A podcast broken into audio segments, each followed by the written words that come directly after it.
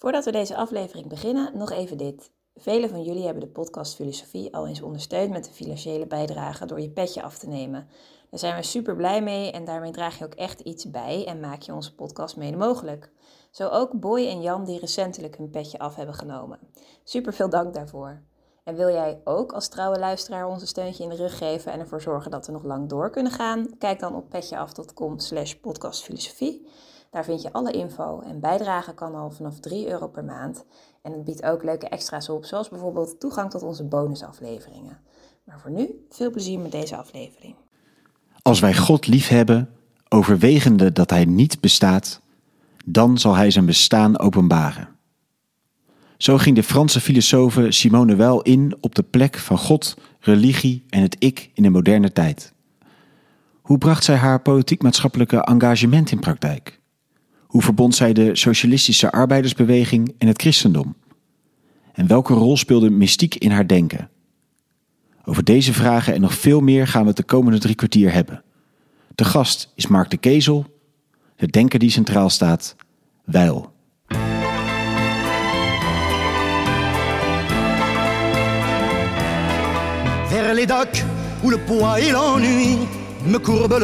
me. Dag, mooi dat je weer luistert naar een nieuwe aflevering van de podcast Filosofie van het Centre Erasme, School voor Filosofie in Zuid-Frankrijk, Vlaanderen en Nederland. Mijn naam is Allard Amelink. Het concept van deze podcast is zoals altijd simpel. Er is een hoofdgast, een presentator en een sidekick. En in ongeveer 45 minuten duiken we in het denken van één filosoof. Um, ik zit vandaag in Utrecht. Letitia, jij zit iets verderop in Utrecht. Ja, inderdaad. En Mark, jij zit in Os. Ja, ik zit in Os.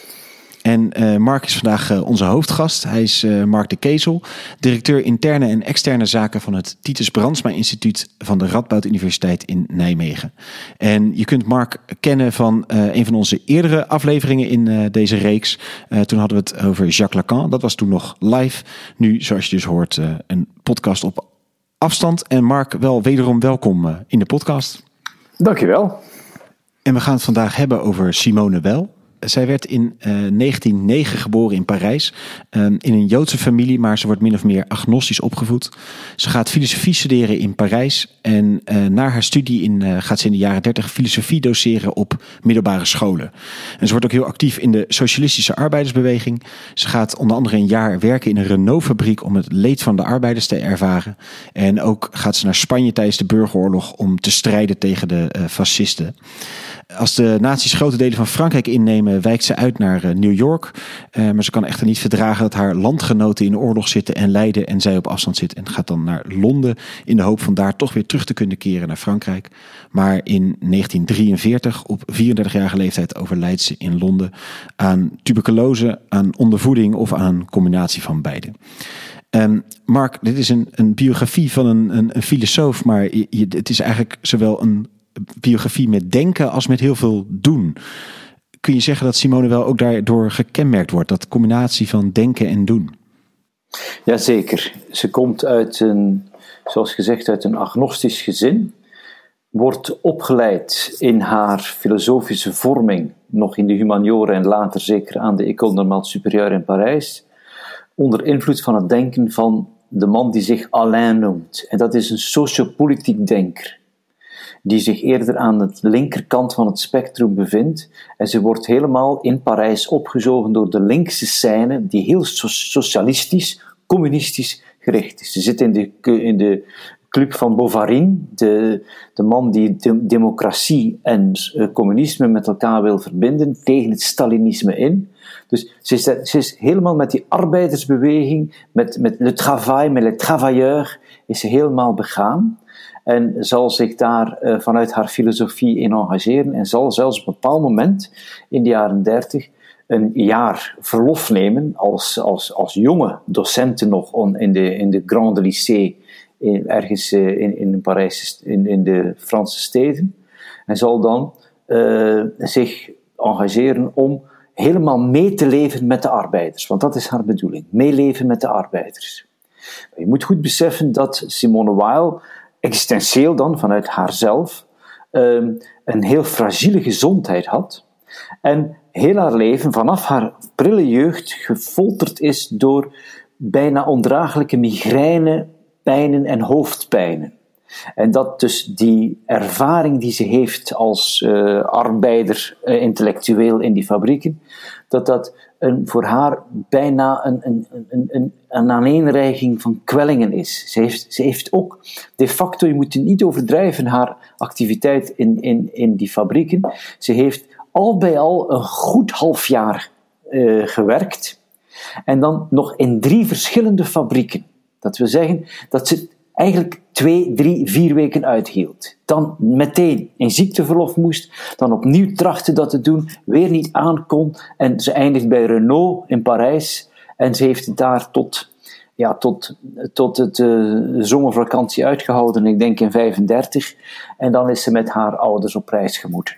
En dan, ja, dan, dan zal ze een ervaring hebben vanuit haar, vanuit haar existentiële uh, meeleven met die arbeiders een ervaring op reis met haar ouders, die haar helemaal, totaal onverwachts voor haar ook, in de religieuze sfeer brengt. Dus dat is, dat is ook, als je van afstand bekijkt, vrij mysterieus. Een heel socialistisch geëngageerde figuur wordt helemaal religieus.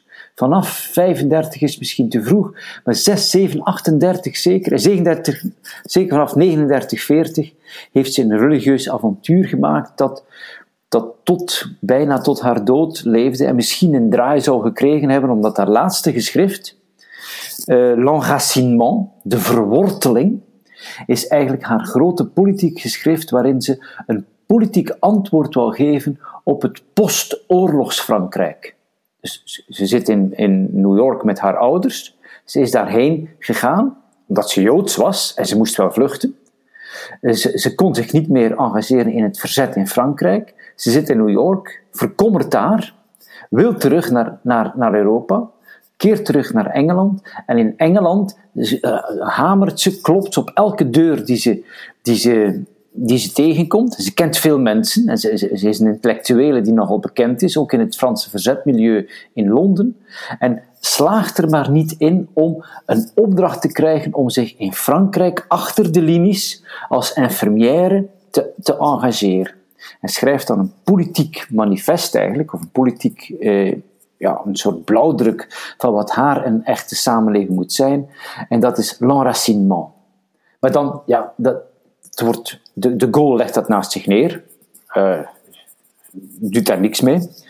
En dan uh, sterft ze in, in 43, als ik me niet vergis, in augustus 43. Dus en deze golfbeweging, Mark, die beschrijft, is eigenlijk net van het politiek geëngageerde naar het religieuze, naar dat weer terugkeer eigenlijk naar het politieke. Zit daar wel één rode draad doorheen? Of gaat haar qua denken, of gaat haar denken ook in zo'n golfbeweging? Ja, wel, misschien uh, kan ik wel een, een uh, hoe zou ik zeggen, een hypothese naar voren brengen. Ze heeft dus, ze, ze, ze engageert zich in een, in een sociaal denken. Ze, wordt, ze wil dat sociaal denken ook leven. Existentieel aan den lijve ondervinden wat de, het kapitalisme met de arbeider doet. Binnen in haar marxistisch jargon, waarin ze zich met Bouvarine en anderen inschrijft. Gaat in die fabrieken werken, maar als ik het goed tenminste inschat naar wat ik in de biografie erover gelezen heeft, bakt ze daar niet veel van. Ze is niet echt de beste arbeidster. Ze blijft een idealistische intellectueel die de arbeiders wil onder, hoe zou ik zeggen, onderwijzen ook, die, die de arbeiders wil verheffen, die, die het volk wil verheffen. Um, en als je, dat, als je die ervaring bekijkt, dan valt er misschien toch een, een, een kleine brug te maken naar haar mystieke ervaring.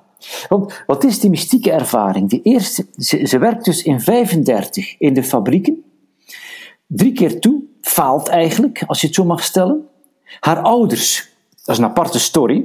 Haar ouders, die hebben er veel met haar afgezien. Want het is een, ja, het is een hoogst intelligente dochter die hoogst rare dingen doet. Die uh, ja, ondertussen uh, ja, ja, die, zich met, met, met, met heel linkse, gevaarlijke anarchistische mensen uh, omringt enzovoort. Terwijl papa in het leger zit als arts. Hè? Dus dat is allemaal voor de hand ligt dat niet. En haar ouders die, die volgen haar zeer op de voet. redden haar waarschijnlijk een beetje van, van een depressie en voeren haar mee op reis naar het zuiden, naar Portugal. En in Portugal, in een klein dorpje, uh, de Varzim, als ik het goed uitspreek tenminste, in Portugal, wordt ze voor het eerst in haar leven echt geraakt door een religieus fenomeen, een processie. Intellectueel nul, gewoon een volksprocessie.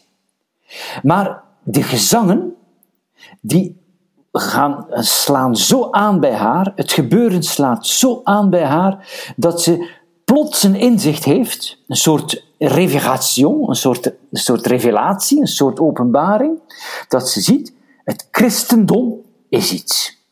En ze verwoordt het als volgt, zegt ze meteen, het christendom is la religion par excellence pour les esclaves. De religie bij uitstek voor de slaven. Dat is straf.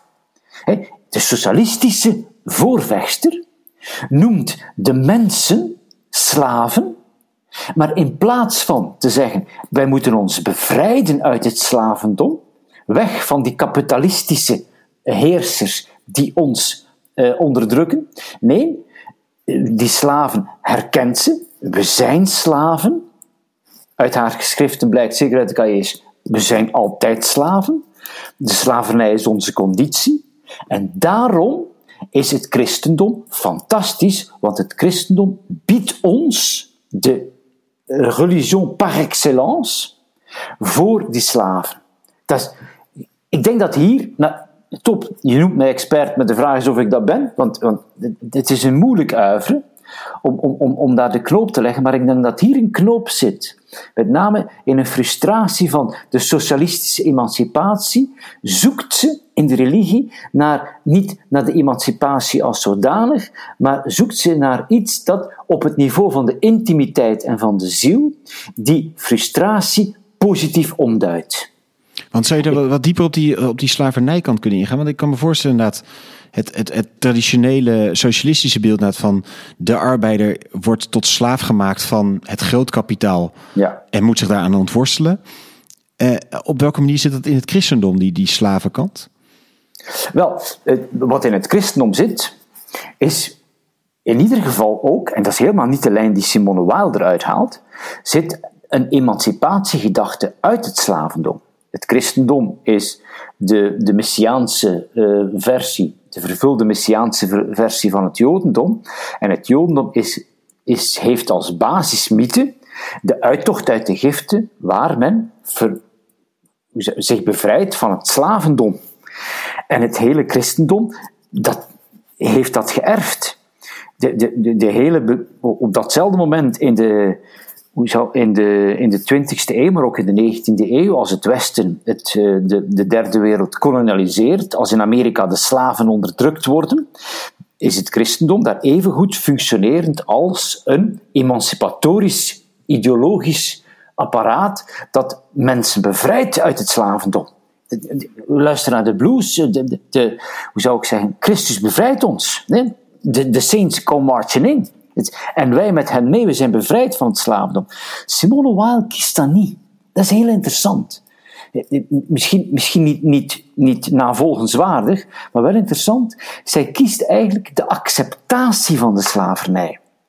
En gaat daarom naar de mystiek over, maar haar mystiek is, uh, en dat is een van de grote kenmerken van haar mystiek, haar mystiek is misschien evengoed stoïs, stoïcijns, dan christelijk.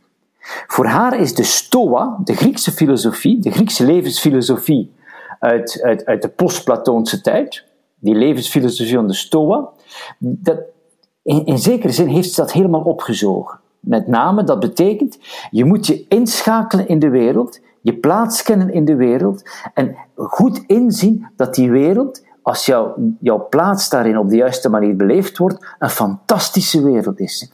Je moet niet de wereld veranderen, Jij moet niet op een andere plaats gaan staan in die wereld. Jij moet zien dat de plaats die jij hebt in die wereld bijdraagt aan de schoonheid van de wereld. Dat is typisch Stoa. Ik als slaaf, zegt Epictetus, ik ben helemaal niet jaloers op de heer en op de keizer.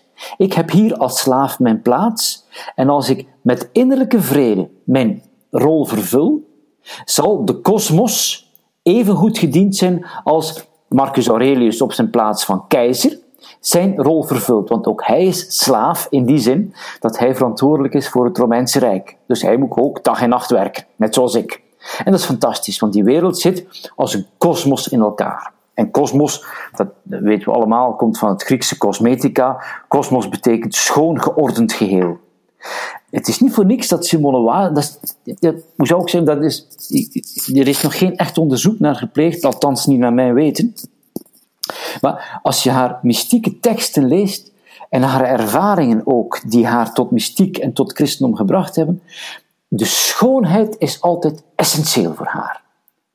Als ze in Portugal komt en ze ziet die processie, het, wat haar grijpt is de hartverscheurende schoonheid van de gezangen. Als ze later in Solem komt en de gezangen hoort, de schoonheid van die gezangen. Als ze het gedicht, nog een, nog een andere ervaring van haar, een gedicht van George Herbert, een metafysische dichter uit de 17e eeuw in Engeland, een gedicht dat noemt liefde, love, dat, dat gedicht raakt haar door de schoonheid. Dat, dat is haar punt schoonheid. En wat, wat ik daarin lees, en met mij een aantal scholars ook zo, dat is dat daarin de stoa, het stoïsche, het schone van de wereld komt.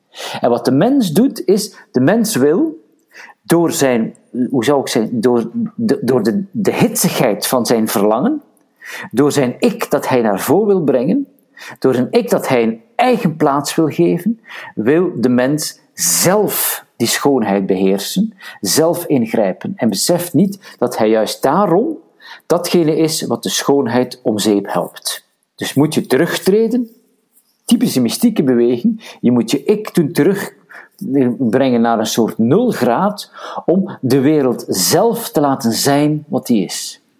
Maar Mark, dit, Mark, dit klinkt een beetje als een, um, uh, niet zozeer als een samenbrengen van die arbeidersbeweging en het christendom, maar meer eigenlijk als een soort achter je laten van die emancipatiekant van uh, de arbeidersbeweging. Ja.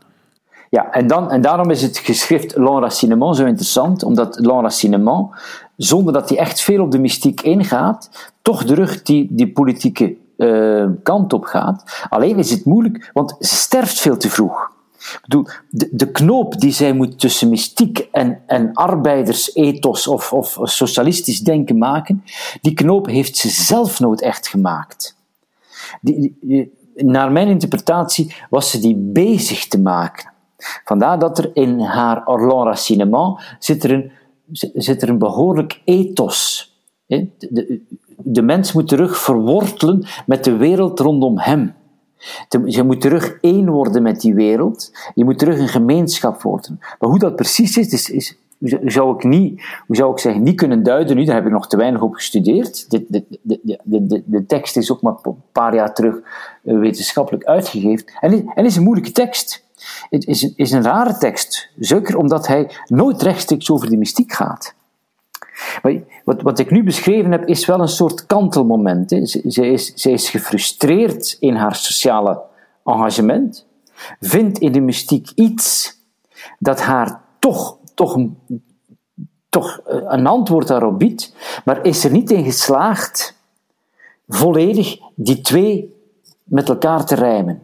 Terwijl je wel op het einde van haar uiver, voor zover je het kunt zeggen, want ze is amper 42 als ze het schrijft, um, je, voelt haar wel op weg gaan naar een, een, een soort samengaan van die twee. Hoe dat precies zit, dat, ja, ik denk dat dat een mysterie zal blijven. En dat, ja, dat is de weg van het denken. Dat denken is, heeft, zijn, heeft, heeft zijn paden uitgetekend, maar is door de auteur zelf niet tot het einde toe gegaan. Maar, maar het plaatst toch een beetje de, de hoe zou ik zeggen, de, is wel een, een zwaar punt als je over haar sociale engagement nadenkt. Dat is dat ze, dat de, dat ze het slavendom als het ware omhelst. En dit is voor een socialistisch denker on, onaannemelijk. Dat, dat, dat, dat, is onaannemelijk. Ik bedoel, dat, ja, het, het emancipatorische is eruit eigenlijk.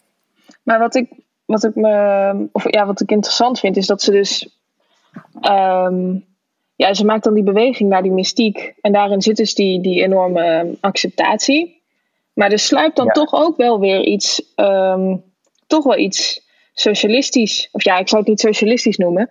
Maar eh, er zit toch wel een bepaalde ehm, gedachte in van eh, verbetering voor de wereld.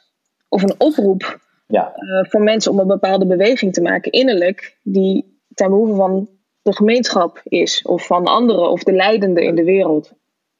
Absoluut. Dat, dat, dat blijft. En, en dat zeker, dus ik ben blij dat je het, dat je het opmerkt, dat, dat blijft in haar denken zo. In, in die zin dat de, de, de compassio, zou je zeggen, het medelijden met anderen, het, het meteen empathisch meevoelen met het lijden van de wereld buiten jou, ook al lijdt je zelf ja, on, ondraaglijk veel, dat blijft de constante in haar denken.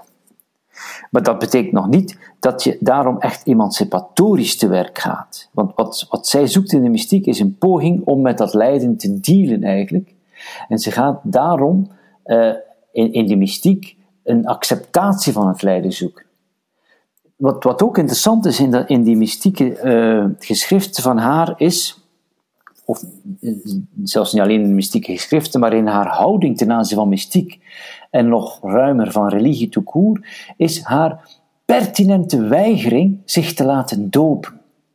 Dus als je, haar, als je wachten op God leest, L'attente Dieu, eh, het wachten op God noemt, noemt die bundel, dat is samengesteld door haar, door haar geestelijk begeleider, door die Perrin. Eh, dan het, het grote onderwerp dat ze met haar geestelijke begeleider eh, heeft, is het feit dat ze alles in zich heeft om gedoopt te worden, behalve het feit dat ze dat pertinent weigert te doen. En daar zit tegelijk een heel sociale reden achter. Met name een, een heel rare sociale reden, want ze wantrouwt socialiteit. Want wat is haar redene- de basisredenering? Ik- Ik eenvoudig nu een beetje, maar de, een basisgedachte achter haar redenering is de volgende. Namelijk, de katholieke kerk, ik zou graag toetreden. Ik heb er alles voor om toe te treden. Ik hou van Christus, ik hou van het lijden. Ik hou van het lijden op mij nemen aan het kruis. Het grote voorbeeld voor haar. Mijzelf wegcijferen en de schoonheid van de schepper te laten zegevieren door mij in een decreation, noemt ze dat, in een ontschepping te laten uitschrijven uit de schepping. Fantastisch vindt ze dat. Maar ik treed niet toe tot de kerk. Waarom niet? Omdat de kerk haar missie niet waarmaakt. Want wat zegt de kerk? De kerk zegt dat ze katholiek is. En ze kent natuurlijk zeer goed Grieks. En ze weet dat katholi- katholica, dat dat betekent kataholijn, o- universeel over de hele planeet. Dat we zeggen, ik kan alleen tot de kerk toetreden als de kerk iedereen toelaat. Zonder doop. De kerk kan geen gemeenschap zijn los van de mensen. Dus hier voel je een socialistische tendens. Hier voel je de internationale van het marxisme, toegepast op het, eh, op het katholicisme. Ze wil, daarom is ze ook tegen Stalin. Ze wil een internationale. Alle mensen lijden. Alle mensen die, die, die moeten in die gemeenschap van de kerk die iets over dat lijden te zeggen heeft, ingesloten worden. Wanneer die gemeenschap zegt, treed toe tot mij en treed uit jouw gemeenschap en mijn gemeenschap, is die gemeenschap vals. Want die gemeenschap is het gemeenschap van de waarheid en de waarheid is universeel. Dus dat en ze zal zich tot het einde van haar dagen niet laten dopen. Tot, ja, tot, tot wanhoop van zowel eh, Gustave Thibon, haar eerste uitgever, eh, of haar postume uitgever, als die, eh, die Perrin, haar geestelijke begeleider. Hey, maar Mark, je zegt, eh, ze heeft nou, die, die, die, dat christendom heeft haar op dit pad gebracht. Tegelijkertijd noem je het stoa. Kun je zeggen dat eh, ergens lijkt ze een beetje dat is een, een belangrijk bevrijdend element in de theologie niet te accepteren of in het christendom? Is het daarmee echt christendom? Of is het een beetje een soort de, de, de, alleen de masochistische kant van het christendom, als ik het even eh, onaardig zeg? Wel, je, je stelt het onaardig, maar je stelt het wel pertinent, omdat het inderdaad een vraag is. Als je het haar zelf vraagt en als ze erover schrijft in haar cahiers, is ze absoluut christelijk. Dat, voor haar, het, daar is geen twijfel over. In, een citaat die, die nu door mijn hoofd schiet is: Ik was al lang christelijk voor ik het christendom leerde kennen. Geen haar op haar hoofd twijfelt daaraan. Maar als je natuurlijk vanuit een, een, vanuit een, ruimer perspectief kijkt naar wat het narratief van het christendom is, en dat is natuurlijk behoorlijk ja, het christendom is een cultuur en een cultuur heeft altijd een, een heel soepel, rekbaar, caoutchouc-achtig narratief waar je alle kanten mee op kunt. Dat, is ook, maar ja, dat is ook zo natuurlijk. Dat, dat is ook christendom. Hè. Het christendom. Waarom is er altijd ruzie in het christendom? Omdat het christendom niet zonder meer een doctrine is, maar een cultuurnarratief. En een cultuur moet altijd heel veel gebieden coveren enzovoort. Dus ja, de, en, en juist dat element in het narratief, dat juist door socialistische leiders als bevrijdingstheologie zou geduid worden. Simone Weil is dat helaas niet hè, voor de bevrijdingstheologen. Niet, hè. Ze, ze, het volk wegleiden uit Egypte. Niet, hè. En, en in die zin is ze letterlijk mystiek christelijk in de zin van ze neemt van het christendom die bijzonder harde ascetische kant over. En dat, dat is zou ik, misschien moet ik daar eventjes over uitweiden, maar dat is ook raar in het christendom. Het christendom ontstaat uit het jodendom. Het jodendom zegt, als je de wet volgt, zul je eh, niet in de hemel komen, want dat bestaat nog niet voor het jodendom. Als je de wet volgt, zul je terug in rechten zijn met God. De mens is afgedwaald van God. Als je terug in rechten komt met God, zul je, eh, zul je wat krijgen? Een land van melk en honing. Wat krijgen? Veel gelegenheid om te feesten. Veel kinderen een groot volk worden. Heel aards. Er is geen transcendentie nog. God is transcendent, maar zijn beloning is aards. Het christendom ontstaat op het moment dat dat idee van Jodendom, die eerste religie, in frustratiemodus komt. En zegt: Wij onderhouden de wet, we doen ons best en het gaat niet goed met ons volk. We zijn niet zonder meer een groot volk. Wij worden gemaald in de, plet, in de, in, in de dans van de volkeren. Wat is er toch met ons? We zitten in Babylon, daar huilen we. Hoe komt dat toch? En dan komt het idee bij het Jodendom: een Messias zal ons bevrijden. Dat is de Messiaanse verwachting. En die Messiaanse verwachting is Griekser dan we denken. Die, die, heeft, waarschijnlijk wortels al in Babylon en dus ook een beetje in Perzië.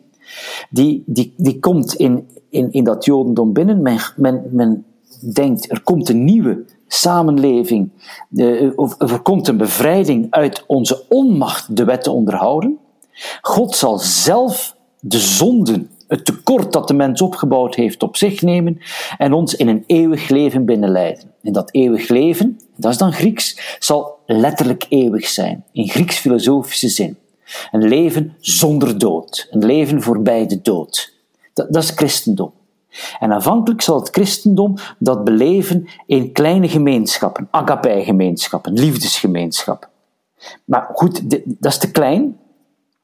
En het christendom zal altijd moeten, op, op een of andere manier, die, het feit dat ze niet in de, in de, in de heilsverwachting, sorry, het feit, het feit dat ze niet in de, in de vervulling van de heilsverwachting leven, het feit dat ze niet dat het christendom niet leeft in een wereld na de dood, maar in een sterfelijke wereld toont zich. Het christendom zal daar zich door uitgedaagd voelen en zal altijd de dood opzoeken, zal altijd het punt opzoeken waar ze kunnen getuigen in een wereld waar de dood alom tegenwoordig is, om aan anderen te zeggen: Jullie denken dat ik sterfelijk ben, maar ik leef nu al in de hemel. Dat zijn de martelen. Ja, precies. Ja. En dat, dat gaat zich vertalen in het ascetische ideaal. In jullie onvolmaakte leven, hier, waar het allemaal goed is, waar jullie eten en drinken, waar jullie feesten, ik trek weg en ik ga in de woestijn. En daar waar zogezegd niets is, daar is alles. En Simone Weil gaat die, gaat die ascetische tendens overnemen eigenlijk. Het zit helemaal in haar uivre. Daar waar ik niets meer ben, daar waar ik honger lijd, daar waar, waar, waar op het eerste gezicht, waar alleen maar lijden is, daar is het geluk. En dat is, dat, is, dat is letterlijk haar punt. En dat is, sorry voor de theoretische uitleg, maar dat is de kern van wat zou ik kunnen noemen haar mystiek of haar religieuze theorie. Met name, en koppelt zij dat ook aan, aan dat transcendente? Ja, tuurlijk. En, maar in die zin is ze zeer modern, eh, want in de, in de middeleeuwen hadden we natuurlijk wel abdijen, ascetische beweging was mooi cultureel ingekapseld. Je had mensen die helemaal met God bezig waren, buiten de wereld, maar dat buiten de wereld was binnen de wereld. Die zaten in de abdij, mensen gingen daar op pelgrimstocht toe, dat waren de paters en de nonnen, die deden hun werk, en, en, en de, de mensen hadden daar toch een deel aan. En zij waren voorsprekers voor die transcendente wereld. Met de moderniteit is die God uit de wereld letterlijk weggegaan. Hij is te transcendent geworden voor de gelovigen. Dat is die Calvinistische God. God is helemaal uh, in, in de hemel. En God is dus niet meer in de natura, niet meer in de natuur.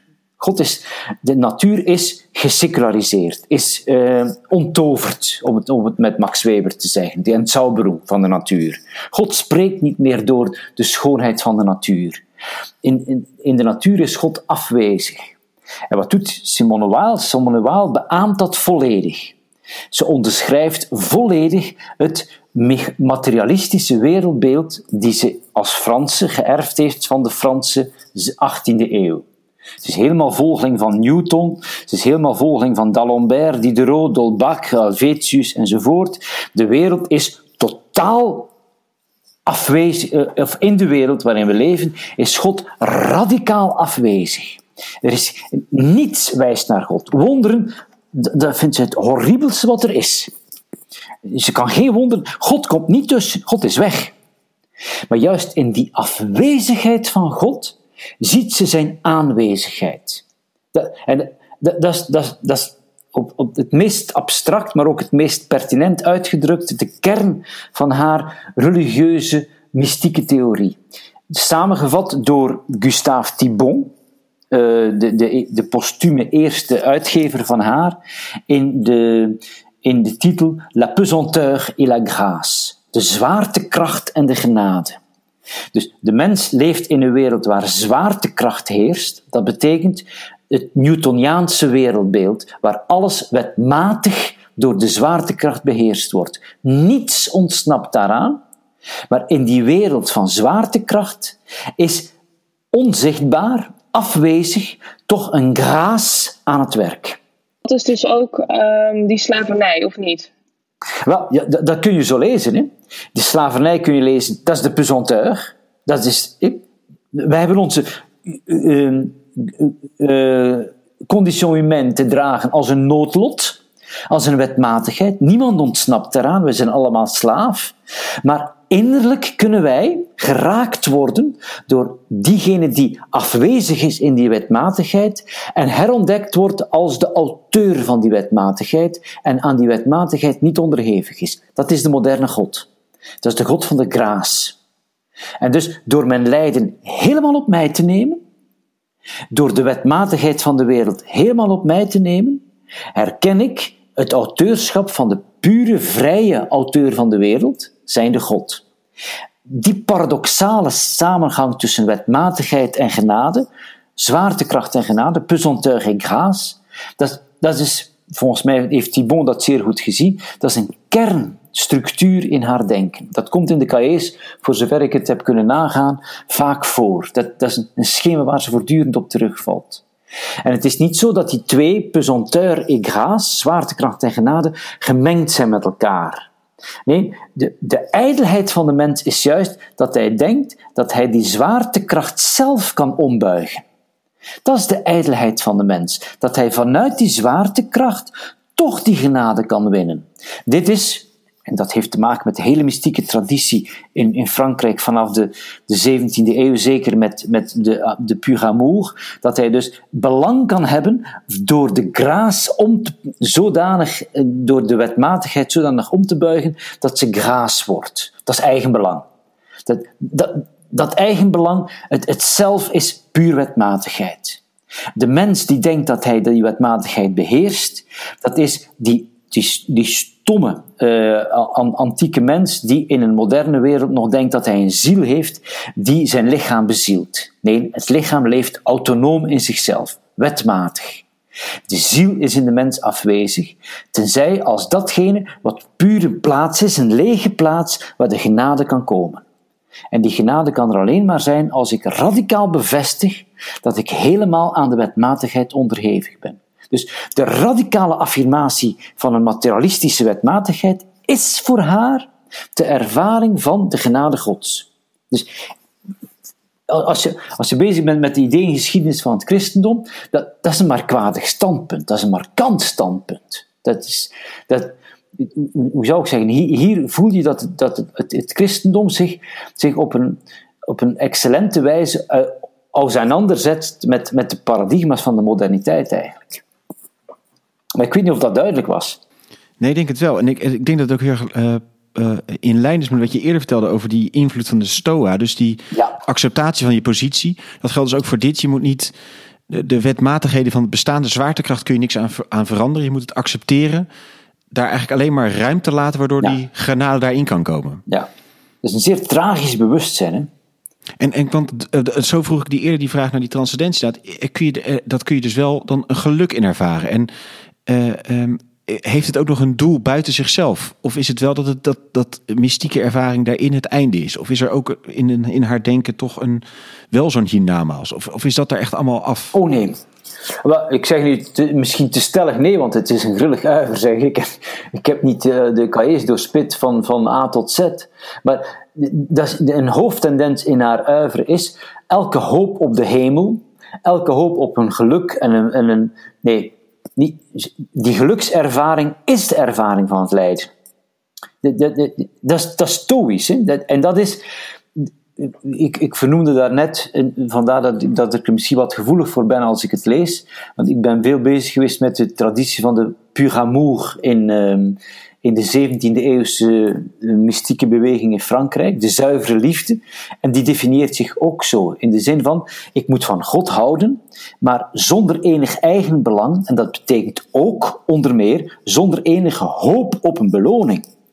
Ook als God mij tot in het oneindige, eh, van, als God mij uh, vanaf het begin der tijden verdoemd heeft tot de eeuwige hellestraf, dan is dat geen reden om niet meer van God te houden. Pas dan heb ik alle redenen om te bewijzen dat ik zuiver van God kan houden, want ik heb geen enkel amour propre meer. Ik heb nee, een amour Geen voor wat hoort wat. Uh, ja, en je voelt hier, die, traditie zit nog in Simone Weil. Hè? Die, die, traditie zit in Simone Weil. Dat zelf, dat mag geen winst hebben. Die traditie zit op een hele andere manier, helemaal niet meer christelijk, maar joods in Levinas. En wat mij interesseert natuurlijk is dat, dat, dat zijn experimentele denkers die dat zelf van de moderniteit in een situatie zetten waar het zeer hard bevraagd wordt. Dus wat wij op, in onze cultuur op het, op het niveau van de, van de alledaagsheid en van de alledaagse cultuur en van de visuele cultuur eh, problematiseren, dat ik dat voortdurend met zichzelf in trouble is, kijk naar elke Hollywoodfilm of elke B-film, doet er niet veel toe. Dat ik wordt voortdurend bevraagd. En dat is typisch voor de moderne tijd. Die, die, die, die autokritische ondergraving van het eigen ik als, als presentatie van het ik, dat wordt in die uivers, hoe zou ik zeggen, exemplarisch naar voren gebracht.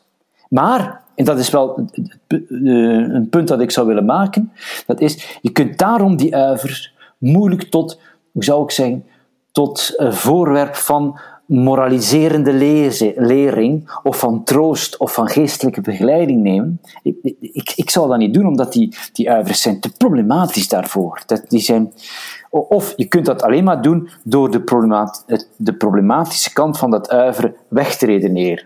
Door daar overheen te lezen. Wat, wat, wat wij in de natuur of in onze cultuur natuurlijk ook goed kunnen. Hè. Ik bedoel, lezen is ook altijd over alles heen lezen. Hè lezen is in die zin het moeilijkste wat er is. Hè. Ja, je leest altijd wat je zelf wil lezen. Hè. Ja, precies.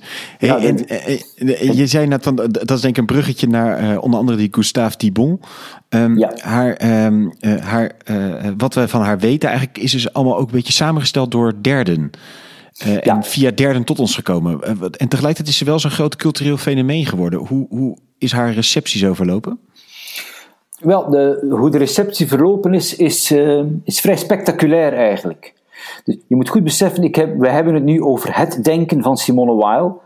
Ja, de, de, je kunt dat natuurlijk wel zeggen, maar er zit iets oneigenlijks in, want voor haar zelf is dat er niet. Hè? Tuurlijk is er een denken van Simone Weil, maar zij is, zij is bezig met denken. Zij, zij, is veel te jong gestorven. Ze, heeft nauwelijks iets gepubliceerd. Een paar artikelen, meestal in, de, in, die sociaal-socialistische uh, tijdschriften. Van haar mystiek heeft ze nooit iets op papier gezet dat voor publicatie vatbaar was. Ze heeft dat in, in, een, in een wild moment opgeschreven. En ze was daar in haar sociale contacten behoorlijk discreet over. Dus ze, ze, ze, ze, behoort niet tot de kerk. Ze trad er niet toe. Ze, ze, ze, had wel vrienden in, in, in, onder de clerici, maar dat, dat, waren intellectuele sparringpartners. Dat, dat, is, dat is gewoon alles. Ze had wel natuurlijk, de, dat is ook zo, ze had natuurlijk wel een beetje zelfbesef. Ze wist wel wat ze opschreef, dat dat niet niks was. En ze heeft die cahiers niet, niet alle cahiers, maar toen ze bij Thibon introk, want toen is het gebeurd, ze gaat naar Marseille, dus Parijs wordt bezet, Parijs wordt een, een ville ouverte, de, de, de Duitsers kunnen binnen, de Joden moeten vluchten, ze vluchten naar het, bezette, de, onbezette Frankrijk, hè, de, de, vrije zone waar, Parijs, waar uh, Marseille toe behoorde. En in Marseille aardt ze niet goed en ze, ze krijgt de, langs Perrin om, krijgt ze uh, de gelegenheid om, bij, uh, om te werken terug, want ze wil terug werken op het land nu. Niet in de fabriek, maar op het land. En ze krijgt de gelegenheid te werken op het land bij Gustave Thibon. En Gustave Thibon is een, uh, een boer, een wijnboer, een andere boer in, in de Ardèche. maar die ook tegelijkertijd een filosofiediploma heeft en, en die filosofische uiveren schrijft. Ehm, en uh, die dus intellectueel uh, zeer goed vatbaar is voor Simone Weil. Uh, in het begin gaat dat niet zo goed, want het, ze is een lastig karakter. Ze, je, kunt ook niet veel goeds voor haar doen, want je kunt haar geen kamer aanbieden, want ze wil geen kamer, ze slaapt in een hok. Ze, ze, ze wil geen, geen, geen, stevige maaltijd, want de mensen in het verzet lijden honger. En zij wil, het, zij wil meelijden met die mensen. Dus maar goed, het, komt dan toch tot, tot meer en meer gesprekken tussen hen beiden. En dan wordt hij gewaar dat zij KE schrijft.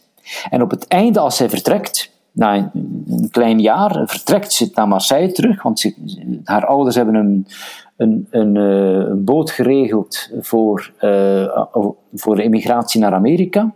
Geeft ze hem toch die cahiers. Met, als ik me niet vergis, met de, de uitspraak: je kunt ermee doen wat je wil. Dat zegt al veel. Ze schrijft in, in, uh, in Marseille verder, ook in, in, uh, in Londen en in New York schrijft ze verder. En die cahiers, die leiden meteen na de oorlog een behoorlijk leven. Want die Bon is helemaal verrast van het gigantische niveau van, van wat daar staat. Maakt daar een bloemlezing uit. Dat, dat we zeggen, ja, een klein tuiltje bloemen uit een, uit een bos van bloemen. Um, en stelt dan de bundel samen La pesanteur et la grâce. De zwaartekracht en de genade. In, en dan zijn we al 1947. Wordt, is meteen een succes. Meteen. In Frankrijk meteen. Camus ontdekt dat. Uh, de, de, ja, er, komt honger, een, een, een, vraag naar meer uh, teksten van haar, maar, ze, heeft, heeft weinig teksten liggen als zodanig een paar essays zijn af en, en, en, uh, publicatiewaardig. Maar desondanks komt Latente Dieu, komt, andere, andere bundels komen, tot, tot nu toe. En het is pas in de jaren 90 dat men aan een verzameld werk begint. En dat uiveren wordt, uh, de La Pesanteur et la Grâce, wordt al bijvoorbeeld in het Nederlands in, in de vroege jaren 50 vertaald. En dat gaat een eigen leven leiden. En, dan, en, dan, en, die, en blijkbaar slaat Simone Weil ongelooflijk aan. In, in de, de populatie in het Westen dat mystiek aangehaald is. Dat, dat, dat, dat interessant is voor mystiek. Terwijl zij haar uiver nooit zo bedoeld heeft eigenlijk. Ze heeft nooit de bedoeling gehad een geestelijk leider te worden. Nooit de bedoeling gehad, uh, zeker niet kerkelijk mensen in, in de geestelijke weg in te leiden. Maar ze is daar, door, puur door de receptie, in verzeild geraakt. Dat is zo'n beetje de schets van haar, van haar receptie. En want dat is eigenlijk überhaupt wat wij een beetje zo bijblijft naar dit alles. Sowieso dat ze zelf uh, uh, ook nogal een mysterie blijft uh, in zekere zin. En haar denken dus ook. Um, maar wat is de... uh, een beetje de filosofische, uh, belangrijkste filosofische punt wat ze ons ergens meegeeft. Want ze borduurt zeer voort op die mystieke traditie, op die ascese. En ze probeert het te combineren ergens met die andere werkelijkheid. Met ook die arbeidersbeweging, met ook met de moderniteit. Maar eigenlijk de soort de ultieme legpuzzel legt ze niet. Waarschijnlijk uit, gewoon omdat haar leven te vroeg eindigde. is, er iemand die, is er iemand die haar werk verder heeft gezet, zeg maar? Is er iemand die, die, die wel die eindjes aan elkaar heeft kunnen knopen? Of is dat gewoon, ja, blijft dat een mysterie? Wel, of iemand, ik denk dat niemand haar werk verder gezet heeft. Top bij mijn weten. Dat, dat zou ook moeilijk zijn, omdat haar werk niet zonder meer toegankelijk was. Hè? Zijn, verzameld werk is, is, heel jong, hè? Dat, is, uh, dat is het vorige decennium. Hè? Dat, uh, dus L'Enracinement is, ik weet niet wanneer het verschenen is, niet, zo lang geleden. Dus, dus er moet nog, het is een te grillig werk om, om, om, om, die, om die knoop te vinden van waaruit, van waaruit ze schrijft eigenlijk. Maar als je me vraagt, wat is het punt dat ze kan meegeven, dan aarzel ik een beetje, want ja, die, ze heeft geen, wat, hoe zou ik zeggen, ze heeft geen basisgedachte dat ze als een idee meegeeft. Ze heeft een denken die ze meegeeft. En dat, dat, in, dat fascineert me voornamelijk. Het is een denken dat niet tot een gedachte te reduceren is. En bij, bij, dat is bij alle filosofen zo. Maar bij, de, bij grote filosofen is er dan toch een dominante gedachte, die, meestal helemaal verkeerd begrepen, in de cultuur binnencijpelt en dan daar een weg aflegt. Tot scholars terug naar de oorspronkelijke tekst moeten om daar dat denken bloot te leggen. Het interessante aan Simone Weil is dat iedereen alle gedachten uit haar haalt, naar mijn oordeel meestal fout. Wat we vaak doen, wij, we, zijn, we blijven kolonialen en we blijven consumenten. We hebben een mystiek uiver, of een uiver waarvan we zeggen dat mystiek is. En we hebben ook geestelijke noden en we gaan aan die geestelijke noden te voldoen door dat koloniale veld, genaamd Simone Weil, moet uit te buiten, dat te ontginnen en tot ons toe te eigenen wat, wat, wat volgens mij helemaal fout is natuurlijk. Wat, wat interessant aan dat denken is, is dat dat denken een denken blijft. Dat we zeggen, een denken dat nog niet tot een gedachte gekristalliseerd is. Waar, waar je voortdurend gedwongen wordt die gedachte te ontbinden, te deconstrueren en waar de constructie voortdurend uitgesteld wordt. In die zin is het een door en door filosofisch uiver. En dat, dat vind ik wel, ja. Vandaar dat er ook binnen in de filosofie behoorlijk over haar werk, hoe zou ik zeggen, uh, gestudeerd wordt. Ze komt uit de filosofie, ze is verzeild raakt in de mystiek, ze is door en door mystiek ook, dat wel, maar ze blijft, zoals de meeste mystiekers, denkende mystiek.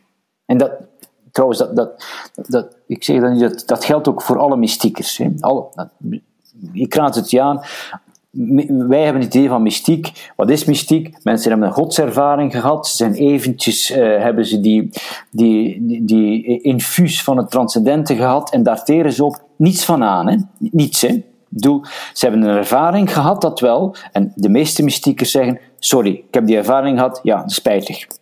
Dus ja, je, je moet iets. Maar dan, het is een worsteling met die ervaring. Dat is van belang. Het is een worsteling met die ervaring waar ze bezig zijn met zichzelf, met dat ik. Wie ben ik? Dat is Simone Weil. Wie zijn wij in een wereld waar wij in die wereld, waarop, waar wij in die wereld geen greep, of in een wereld waar wij geen greep op hebben? Je ziet, dat is, dat is een tragische conditie. We zitten in een wereld, die wereld heeft een narratief die, die luidt in de zin van de mens is bij uitstek almachtige heerser over deze ont, ont, onttoverde planeet. En wat, wat blijkt? Dat wij, ook al zijn we almachtig, ook al hebben we zicht op die zwaartekracht en kunnen we die perfect bespelen, dat we op een of andere manier onszelf verliezen, verloren zijn in die zwaartekracht. En dat verloren zijn in die zwaartekracht, dat noemt zij genade. Op een of andere manier moeten wij met, met de eindigheid van ons oneindig vermogen dealen. Op een of andere manier moeten wij ons daartoe verhouden. En zij zoekt naar een punt om dat te verhouden. En dat punt is, naar mijn, naar mijn oordeel, de kern van de moderniteit. dat is natuurlijk mijn, persoonlijke benadering, maar ik, ik zoek in Simone Weil, en ik lees het er ook op quasi elke bladzijde in, een worsteling van de moderne mens met zichzelf. Dat, met, met, met, met dat zelf, dat tegelijkertijd het meest banale woord is, want uiteraard zijn we ons ik, en tegelijkertijd is dat het meest, ja, het meest enigmatische woord, want tegelijkertijd ja, zijn we helemaal ons ik niet. Doen we iedereen voortdurend, apen we iedereen na, zijn we, zijn we niet in staat om, dat zelf zomaar vorm te geven. Dat, dat, is, dat is het punt eigenlijk wat ik hier wil maken. Dankjewel, Mark. Ik vind het een, uh, het is een buitengewoon interessante uh, denker. Ik dank je wel voor je heldere uitleg over denk ik een complexe denker. Um, Simone Wel, die in een bepaalde mate uh, allerlei werelden komen bij haar samen. Enerzijds komt ze voort uit um, de, de, de uh, linkse Parijse kringen, um, die uh, heel erg vanuit het socialisme denkt. Ze erg ook denkt over de emancipatie van de arbeidersbeweging. Daar zien we ook in haar activistische levenshouding tot het einde van haar, haar leven aan toe. En tegelijkertijd maakt ze inderdaad een, een, zoals Mark mooi zei, een religieus avontuur mee. Um, wat begon in, bij een processie in Portugal. En um, wat haar trof namelijk in die christelijke processie was dat ze zag dat het christendom bij uitstek een religie voor slaven is. En niet voor slaven die bevrijd worden, maar eigenlijk voor de acceptatie van uh, de slavernij. Dat is ook een lijn die je vooral toch uit de Stoa terugziet. Maar het gaat erom, je moet de wereld niet willen veranderen, maar je moet uh, jouw plaats, het accepteren van jouw plaats draagt bij aan de totale schoonheid van het geheel. En ja. de mens dringt vaak zijn ik te veel op, maar je moet niet zelf willen, nee, je moet eigenlijk die acceptatie hebben. En dat is nou echt de mystieke beweging. Um, ze is ook een snijdvlak dus tussen die arbeidsbeweging en, en dat mystieke. Ook een hele moderne denker, die het hele natuurwetenschappelijk denken omarmt. Ook de afwezigheid van God ziet. En tegelijkertijd juist in die afwezigheid ook een aanwezigheid van God ziet. Uh, mooi samengebracht eigenlijk in die twee woorden uh, waaronder haar eerste werk verschenen is, uh, postuum, zwaartekracht en genade. Het gaat om die wetmatigheid en het accepteren van die wetmatigheid, omdat daar uiteindelijk toch iets van het grotere daarin in doordringt. Um, en uiteindelijk is dan ook de ascese iets wat ze juist heel erg omarmt, omdat juist in die ascese het ware geluk zit. Um, daarmee brengt ze ook denk ik een beetje een soort oude lijnen terug met dus de moderne mens. En Marx, zoals jij mooi net op het eind zei, dat is eigenlijk misschien wel gewoon de hele zoektocht van de moderniteit. Ik in de grote wereld. Um, heel hartelijk dank voor het beetje, uh, nou, iets laten zien van het mysterie van uh, Simone Wel. Dankjewel ook Letitia. Um, jij heel hartelijk dank voor het luisteren. We hebben een uh, weer een mooie aflevering kunnen maken, ondanks alle coronaperikelen. Um, laat ons vooral weten wat je van de aflevering vond. Heb je nog tips voor ons? Laat het ons vooral ook weten. En vergeet je niet te abonneren of een mooie recensie achter te laten als je show kan waarderen. Dat uh, vinden we zeer prettig. Nogmaals, dank voor het luisteren en graag tot de volgende keer.